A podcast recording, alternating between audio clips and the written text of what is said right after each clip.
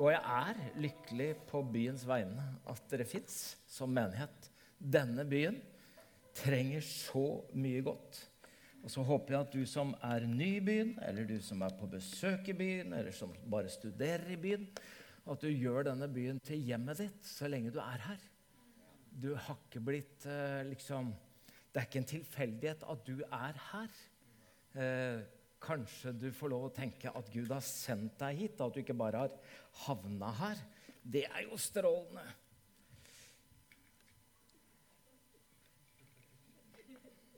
Den skal over her på denne siden.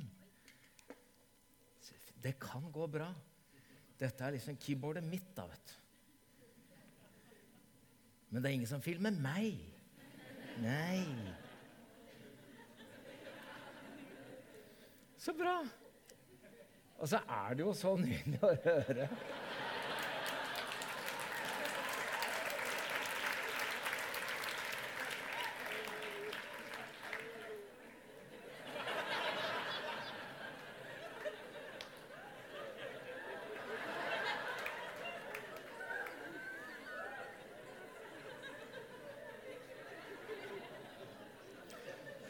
Så nydelig. Altså, hva heter du? Eh,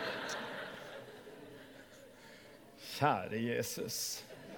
Alle vi som driver med formidling, vi Nei, aller først. Det er sånn at Jeg ble spurt om å si noe på åpningen av Lovsang 23.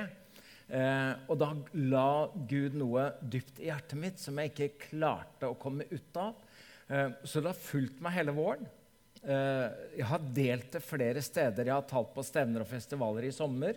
Og når Lars Kristian liksom ga meg frihet til å si 'del det som ligger øverst i hjertet', så tenker jeg ja, det gjør jeg.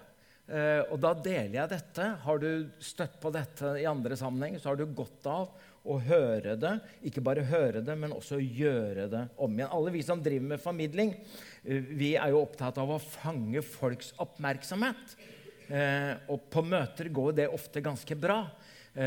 Selv om det av og til er vanskelig å favne, liksom, fange guttas oppmerksomhet. Eller mannfolka. De skal så veldig gjerne ha pyroeffekter. Da er de på, liksom. Det er jo, det er jo gutta ofte som sender opp nyttårsrakettene. og selv om de ikke står på kjøkkenet hele året, så er liksom når grillen tennes, er det så gøy. Ja, så jeg kjenner mannfolk som ikke de kan ikke lage én rett på kjøkkenet, men grille skal dem! Så det er bare sånn, Og det vet jo Gud om, ikke sant? Sånn at når han skal fange mannfolks oppmerksomhet, så skjønner han at her er det pyroeffekter som gjelder. Det er liksom sånn Israel har vært slaver i Egypt i over 400 år. Og de har ropt, og de har skriket, og de har klaga, og de har hatt det så vondt. Og nå har Gud bestemt seg for å sette foten ned. Nå må de komme seg ut av dette slaveriet, og så trenger Gud en til å lede folket ut av det slaveriet og inn i Kanans land, i løfteslandet. Og da har han bestemt seg for at det er det Moses som skal gjøre. Men hvordan skal Gud komme? Moses i tale. Det er jo her disse pyroeffektene kommer på sin plass. Og da står det Moses gjette småfe til svigfaren Jetro, presten i Midian. En gang han drev fe over til den andre siden av ørkenen, kom han til Guds fjell Horeb. Da viste Herrens engel seg for ham i en flammende ild som slo opp fra en tornebusk. Han så, og se, busken sto i flammer, men den ble ikke fortært av ilden. Og Moses sa, 'Jeg vil gå bort og se dette mektige synet.' 'Hvorfor brenner ikke tornebusken? Det er jo en utrolig fortelling. Ikke bare om fyr og flamme, men om Guds tale. Og da lurer jo jeg på hvorfor velger Gud en tornebusk når du kan velge en høyreist, flott, imponerende palme? Når du kan en, velge en vakker sypresse som bare Åh, er det mulig? Eller en sånn formklippa prydbusk. Nå vet jeg jo ikke hvem du identifiserer deg mest med.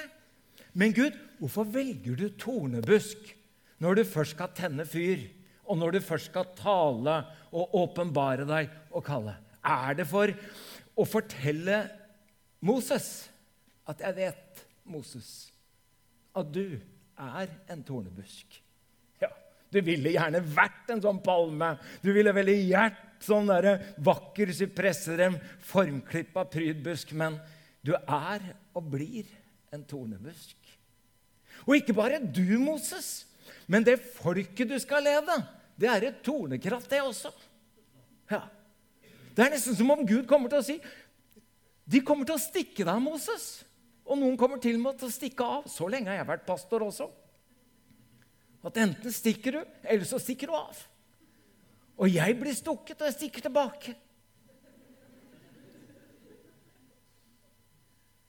Er det derfor Gud velger tornebusk? Nå vet jeg ikke hvem du tenker at du er, men i denne sammenhengen så er altså tornebusken for rask og rusk å regne. Det er ikke sånn at 'Å, en tornebusk som brenner', det har jeg aldri sett. Det har Moses sett nesten hele tiden. Hva gjør man med tornebusker som dyra setter seg fast i, og som bare er i veien? Man tenner selvfølgelig fyr på dem. Blir kvitt dem for godt. Så det er jo ikke det som, som får Moses til å slå øya opp. Det som får Moses til å slå øya opp, det er at den ikke brenner opp. Se og se. Tornebusken brenner ikke det er min erfaring også. Når jeg, vet, når jeg ble fylt og tent med Den hellige ånd ild, så tenker jeg nå brenner alt opp som er synd og verslighet. Nå blir jeg hellig for godt. Ja. Så trodde jeg at synd det er et sånt ungdomsproblem. Og nå er jeg 69. Ikke sant? Det er mye, det. Vet du hva som forundrer meg? Det er at tornebusken ikke brenner opp. At jeg aldri blir kvitt det. Paulus han hadde til og med en torn i kjødet som han ba Gud om at han skulle kvitte seg med, fordi det var en engel som slo han. Så fikk han avslag på søknaden. Så fikk han et oppmuntrende svar. 'Min nåde er nok for deg'. Så får du forsone deg med hvem du er, og at du kommer til å være en sånn tornebusk hele livet. Men håpet vårt, det er at Gud skal tenne fyr i tornebusken, så kjærlighetens ild og ånd brenner i våre hjerter. Dette må ha gjort et veldig inntrykk på Moses. For hvis du går helt til avslutningen av hans tjeneste, hvor han står og velsigner folk og stammene, og når han da velsigner Josef, så sier han Måtte Herren velsigne hans land med det beste fra himmelen, med alt godt som fyller jorden. Og så står det Den setningen der er nydelig. altså. Med velvilje, sier Moses, fra han som bodde i tårnebusken. Gud, jeg er og forblir en tornebusk som stikker andre og selv blir stukket. For rusk og rask og regne. Men du har valgt å bosette deg i mitt hjerte. Han bor i tornebusker. Johannes døperen sier det. Jeg døper dere med vann til omvendelse. Men han som kommer etter meg, han er sterkere enn jeg, og jeg er ikke verdig til å ta av ham sandalene. Han skal døpe dere med hellig ånd og ild. Vi har gjort litt ulike erfaringer, opplevd det på litt forskjellige måter. Men vi blir like forundret hver gang at Gud ved sin hellige ånd tenner ild, kjærlighetsild, i våre hjerter. Halleluja, folkens. Se rundt, da. Det er jo bare tornebusker her. Ja, jeg ser ikke én palme, jeg. Det her er jo nesten Ja, jeg vet at du prøver å se vakker og pen ut. Gratulerer med utseendet. Og noen sier til med nei. Ja, men han er god på bånd. Og da sier jeg alltid nei, han er verre der enn noe annet sted. Ja, ja, ja. Han har bare prøvd å pynte på det, så vi tror på det en stund. Men vi vet jo alle sammen, når det kommer til sannhetens erkjennelse Men han bor i våre hjerter ved Den hellige ånd. Og så lenge kjærlighetens ånd og ild brenner i oss, kan Gud tale gjennom oss og han kan lyse og varme gjennom oss. For det som er verdens øye, står lavt.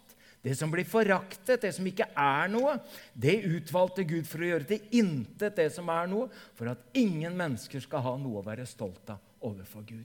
Hvorfor, Gud, valgte du å åpenbare deg i tornebusk? Ikke bare den gangen, men i dag.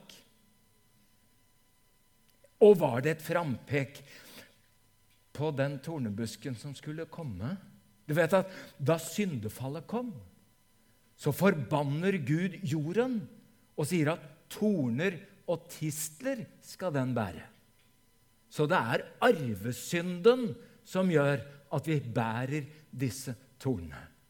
Og så var det jo da noen som skulle holde narr av Jesus og tenkte at 'Er du jødenes konge? Har du sett på maken?' Og så la de en narrekappe på han og ga han et rør som et septer.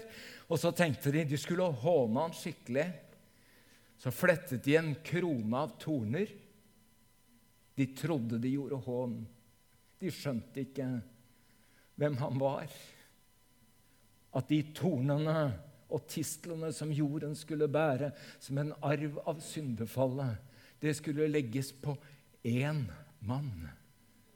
Han som bærer tornekronen og bærer våre synder bort. Halleluja for Jesus. Det er tornebuskene. Der er det ild der. Der er det varme. Der er det lys. Er det noe rart vi vil komme nærmere? Er det noe rart at vi vil se? Er det noe rart at vi vil møte? Men du må komme uten sko. Det er jo det som lå meg på hjertet da, på Lovsang 23. For at jeg hadde fått det der med uten sko. Jeg hadde vært i India i februar sammen med to brødre, for mor og far hadde vært misjonærer der for mange år siden. Og mine tre eldste søsken ble født i India. Skulle vi få feire gudstjeneste i Katihar, i den kirka som mor og far hadde vært med å bygge. Strålende å oppleve å feire gudstjeneste med 600 mennesker en søndag formiddag. Jeg ser at veldig mange plasserer skoa sine utafor kirka. Jeg ble litt sånn i villrede, og jeg spurte pastoren må jeg, skal jeg, bør vi.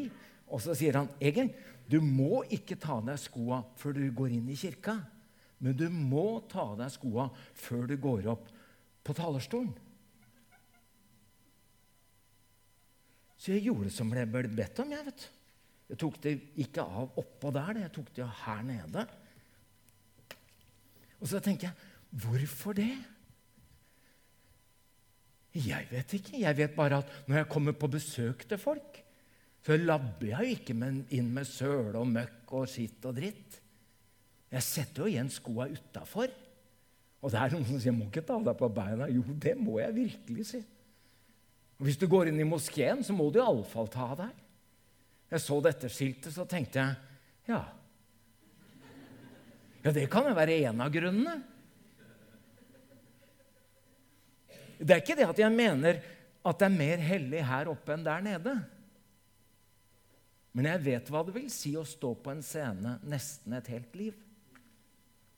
Og syns på en skjerm og bli tatt bilde av. Du tror man kommer uskadd gjennom det, du.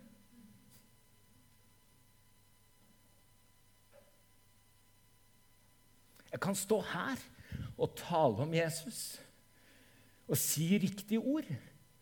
Mens det inni her egentlig bare handler om meg sjøl. Jeg kan lede i lovsang. Ja, det kan jeg jo ikke, da. Men man kan lede i lovsang og synge ord til og om Jesus. Mens det dypest sett bare handler om oss sjøl. Så kanskje det skiltet burde stå ved alle scener og ved alle talerstoler. Og ikke bare her, men der ute for vi blir jo skada alle sammen. Vi kan komme på det som heter gudstjeneste, og tenke Er det en bra preken? Jeg likte ikke lovsang. kom en dame til meg og sa egentlig jeg liker ikke lovsangen. Da måtte jeg si det gjør jo ikke noe, det, for det er jo ikke deg vi lovsynger.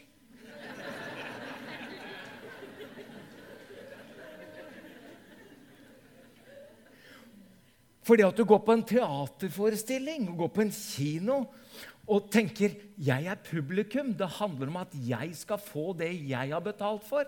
Det skjønner jeg. Problemet er bare at vi tar det med oss inn i gudstjenesterommet.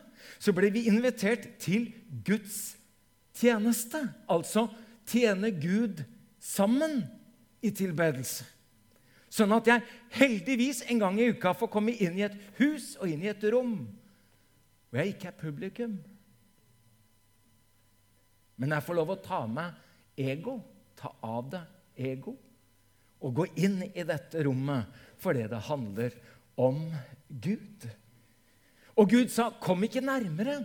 Ta skoene av føttene, for stedet du står på, er hellig grunn.' Et utrolig uttrykk. Og jeg har jo ikke åpenbaringen om hvorfor Gud sier det. Det kan jo være så enkelt som at liksom, i møte med det himmelske må du beholde bakkekontakten. Eller i møte med det overnaturlige er det fint å være i jorda. Det er jo mange som har tatt av. Så det kan jo være så enkel tolkning at bakkekontakt og jording, det er fint. Når du møter noe som er så overnaturlig og himmelsk som det Moses opplevde. Men jeg har så tillatt meg å tenke tre ting om hvorfor jeg skulle tatt av meg skoa. Ta skitten, for den stedet du står på, det er hellig grunn. Du vet, fotvask på Jesu tid Det var jo ikke sånn at det bare var symbolsk. Det var veldig praktisk. For det er jo ikke bare det at de ble skitne på sandalene, men føttene i sandalene var jo skitne.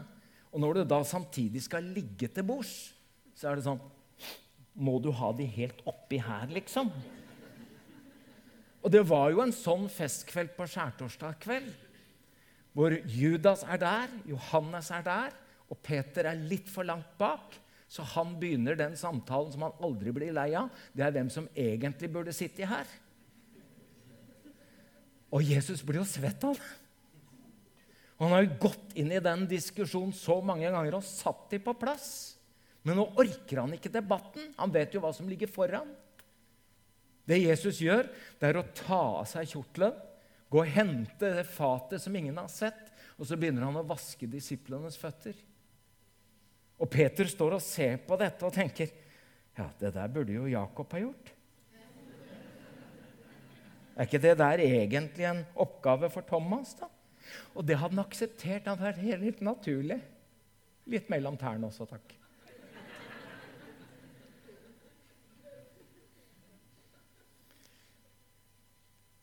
Så kommer Jesus helt fram til Peter. Da sier Peter, 'Aldri i evighet skal du vaske føttene mine.' 'Hvis jeg ikke vasker deg, så har du ingen del i meg', svarte Jesus. Da sier Peter, 'Herre, ikke bare føttene, men hendene og hodet også.' Det er sånn. Du snakker om all in. Ikke bare føttene, du. Jeg vil gjerne ha en full kroppsvask. Når vi først er i gang. Det er bare sånn Jeg elsker jo typen. da. Det er liksom alt eller ingenting. Er det mulig? Og så er det som Jesus sier, ja, Peter, du må jo ikke bli frelst hver gang du har syndet. Nei, dere er jo rene på det grunn av det ordet jeg har talt til dere.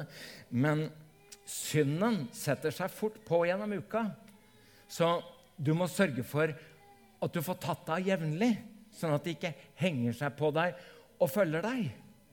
Snakka med ei dame eh, rett før sommeren som sa at hun hadde kjørt til jobben, og så lukta det så utrolig vondt i bilen.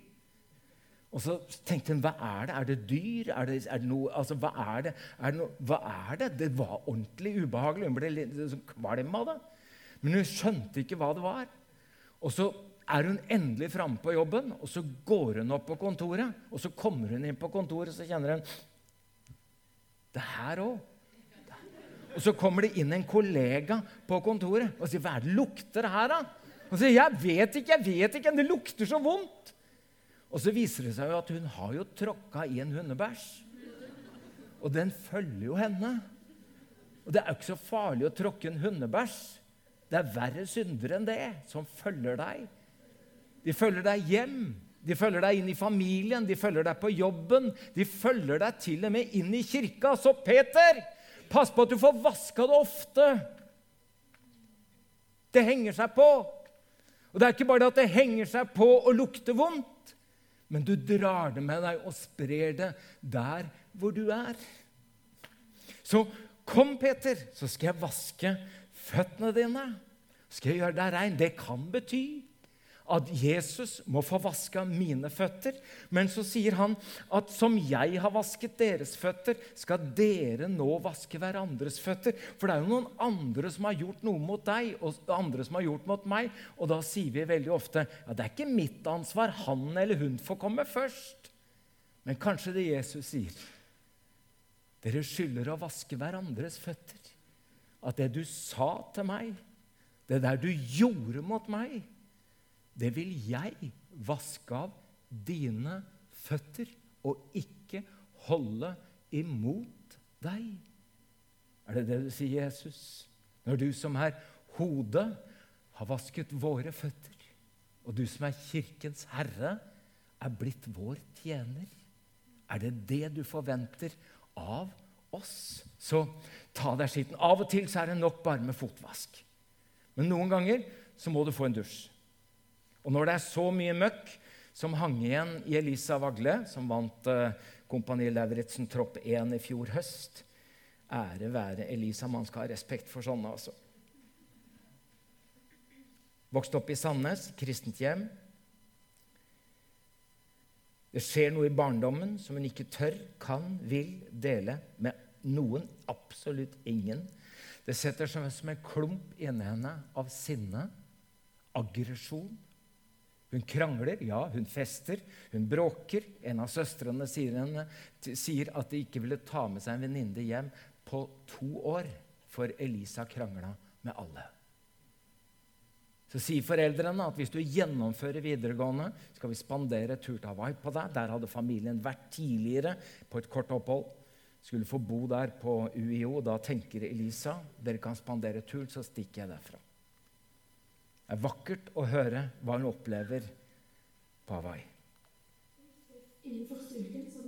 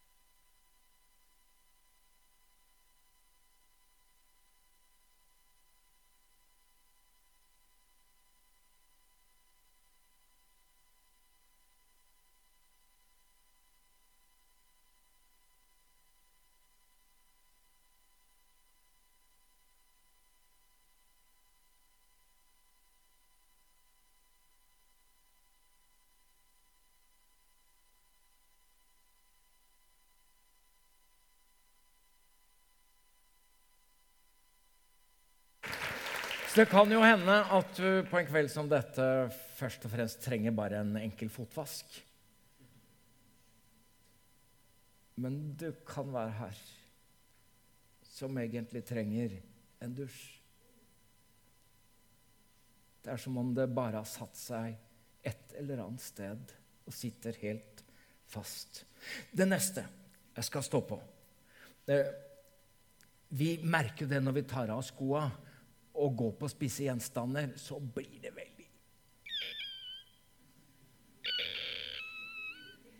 Det er liksom sånn, det er en grunn til at man gjerne vil bade på sandstrand hvis man skal gå ut. Det er jo ikke noen måte å løpe på.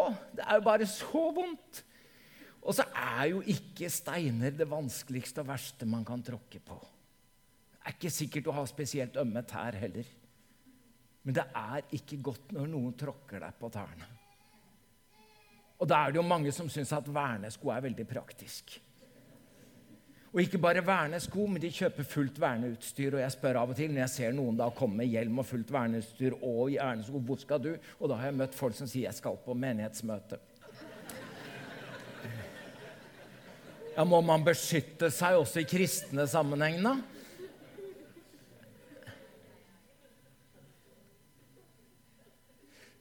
Problemet er at det som beskytter meg i en situasjon, er det som kan isolere meg i en annen situasjon. Det som jeg gjør for ikke å bli såret, og beskyttelsen og avstanden jeg trenger, kan bli en del av mitt liv. Sånn at mitt problem blir ikke at jeg blir såret, men det er at jeg ikke klarer å ta imot og være elsket. Og det er det som om Gud sier. Det er mulig at du må beskytte deg der og der mot de og de, men du behøver ikke å beskytte deg mot meg. Du kan ta det av deg.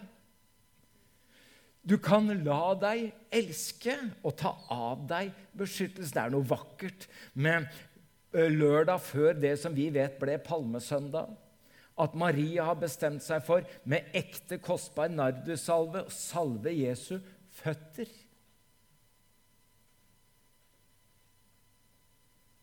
Det var jo ikke bare Via Dolorosa. Men det gjør vondt når Judas forråder. Det gjør vondt når Peter fornekter. Det er nesten som Maria har sett det. Jesus, jeg har lyst til å smøre føttene dine med litt fotsalve. Det syns jeg er deilig. Jeg syns det er utrolig deilig. Så når jeg ble bedt om å holde en festtale til Rune Edvardsen i fjor, i Saronsdal, for han skulle feires 60 år gammel. Så fikk jeg en crazy idé. Altså, Rune er en veldig god kar, men han liker jo ikke å bli klemt av mannfolk. Så jeg håndhilser på Rune. Det skjønte jeg etter et par-tre klemmer. tenker jeg, Du bør ikke plage han med dette. Du bør ikke plage han med dette. Du kan bare håndhilse og si 'hei, Rune', så er det greit. Og så skulle jeg holde festtale. Og så er det en crazy idé. Men bak er det dypt alvor. For min far og Arild Edvardsen, altså Runes far, og med en annen gjeng var det mye strid og konflikt. Og Det er ikke alltid så lett å være sønn og sønner av foreldre som er i konflikter. Det kjenner du som kommer fra et skilsmissehjem eller opplevd at mor og far de har virkelig fighta. Så jeg fikk den ideen at jeg ville ha Rune opp så jeg kunne få vaska føttene hans. Jeg var veldig redd for den der kroppskontakten. For jeg hadde også tenkt å salve dem, og jeg tror jeg talte profetisk.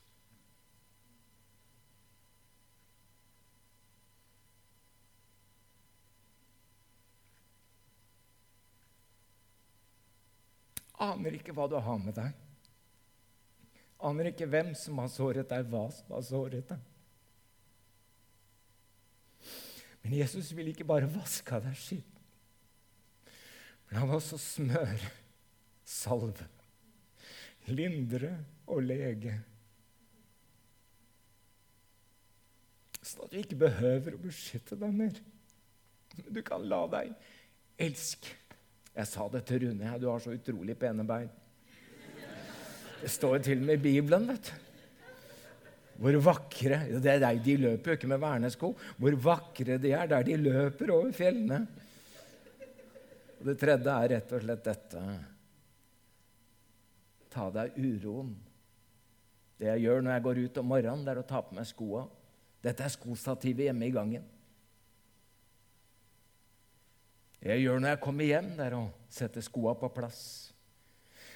Og det å sette skoa på plass når jeg kommer hjem, det er rett og slett bare å kjenne Nå skal jeg ingen steder. Kanskje det er det du vil si, Gud? Moses, legg av deg uroen. Alltid på farta. Alltid i gang. Du vet at Noe av det fineste du kan si i en begravelse, det er liksom å si 'Han døde med skoa på'. Han var i farta til det siste. Det er ikke noe ideal for meg. Jeg skal veldig gjerne dø uten sko. For jeg vet at når jeg kommer over, så er jeg hjemme. Da trenger jeg ikke sko lenger. Så jeg har ikke noe behov for å dø med skoa på. Men jeg har behov for å vite at innenfor Gud, der er jeg hjemme. Det er ikke sikkert at Gud i dag hadde sagt 'ta deg skoa' i vår kultur og i vårt samfunn. Der er du så fint, altså. Hva heter du, da? Sebastian. Og du spiller sånn, du? Jeg spurte Sebastian om han kunne spille litt. Takk skal du ha. Kanskje Gud nå heller hadde sagt Kan du ikke bare legge bort den der telefonen eller skru av nettet et øyeblikk, da? Hvorfor må du alltid ha huet fullt av der du kommer fra? Du vet at Gordon Johnsen på Modum Bad han sa at prestesjuke nummer én er at prestene enten henger igjen der de kommer fra, eller så har de allerede reist dit de skal. Men de er aldri der de er. Hvis du tror at det er bare prester som har den sykdommen, så skal jeg si at det er en pandemi. Du behøver ikke å være bekymra for Guds nærvær. Vær bekymra for ditt eget. At du noen ganger lærer deg bare Nå skal jeg ingen steder, Gud. Nå bare er jeg her. Nå er det gudstjeneste. Nå er det en bønnestund, kort eller lang, men jeg vil være her. Jeg vil legge av meg uroen. Og så tenker jeg som en sånn oppstart på en fredagskveld før et nytt semester, også i kollektivet. Legg av deg skitten. Ta av deg beskyttelsen. Og legg igjen uroen og vært til stede.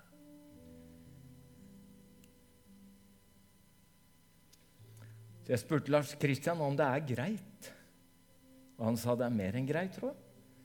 At jeg rett og slett kan gi den muligheten der du sitter. For av og til er det fint å gjøre en praktisk, symbolsk handling. Det er ingen magi å ta seg sko. Men av og til er det fint å bøye kne, av og til er det fint å folde hender, løfte hender. Det er symbolske, fysiske handlinger for noe som skjer inni oss. Så tenker jeg at jeg vil invitere deg et lite øyeblikk til å ta av deg skoa hvis du vil. Hvis det betyr noe for deg, men du må ikke gjøre det for de andre gjør det. Du kan bli sittende, du kan stå, du kan bøye kne. Du kan også ta plass her framme hvis du vil det. Men vi har noen få minutter, bare i et sånt nærvær. Legg av oss skitten, ta av beskyttelsen og bare være innenfor Guds ansikt. Kom, Hellige. Stå hvis du vil, sitt hvis du vil, finn en plass hvis du vil. Nå er vi bare innenfor Guds ansikt.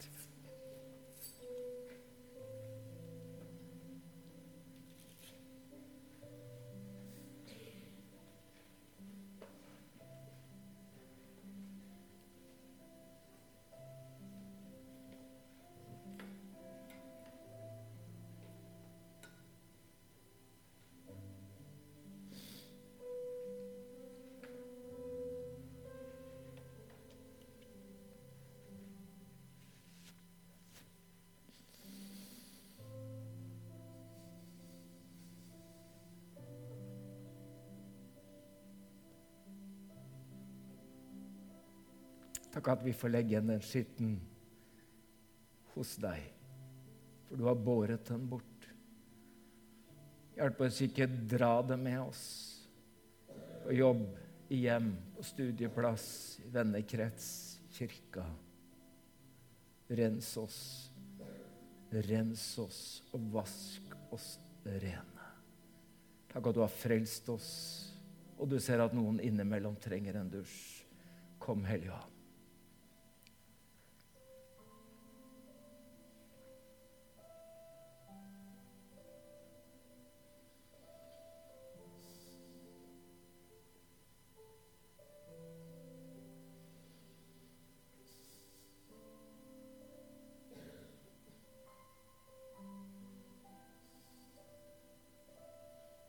Jeg vil be deg for de som bærer sår etter konflikter, som ikke nødvendigvis bare er deres egne, men andres. De som er kommet imellom.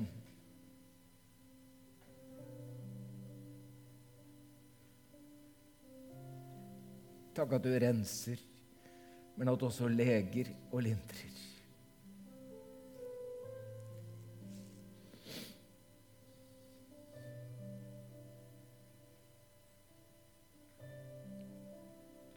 Takk at de som går med såre føtter, skal oppleve å få lette, raske skritt igjen.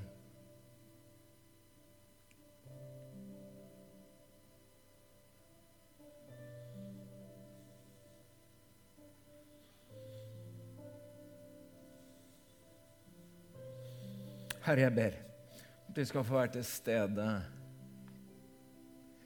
når vi er innenfor ditt ansikt. Få lagt av oss uroen. Be for gudstjenester, huskirkesamlinger, andagsstunder og bønnestunder. Hjelp oss å ta av oss sko og hvite. Vi skal ingen steder. Vi er hjemme hos deg. Takk skal du ha, Jesus. Du har hørt en podkast fra Imekirken Kollektivet. Følg oss gjerne i sosiale medier for inspirasjon i hverdagen.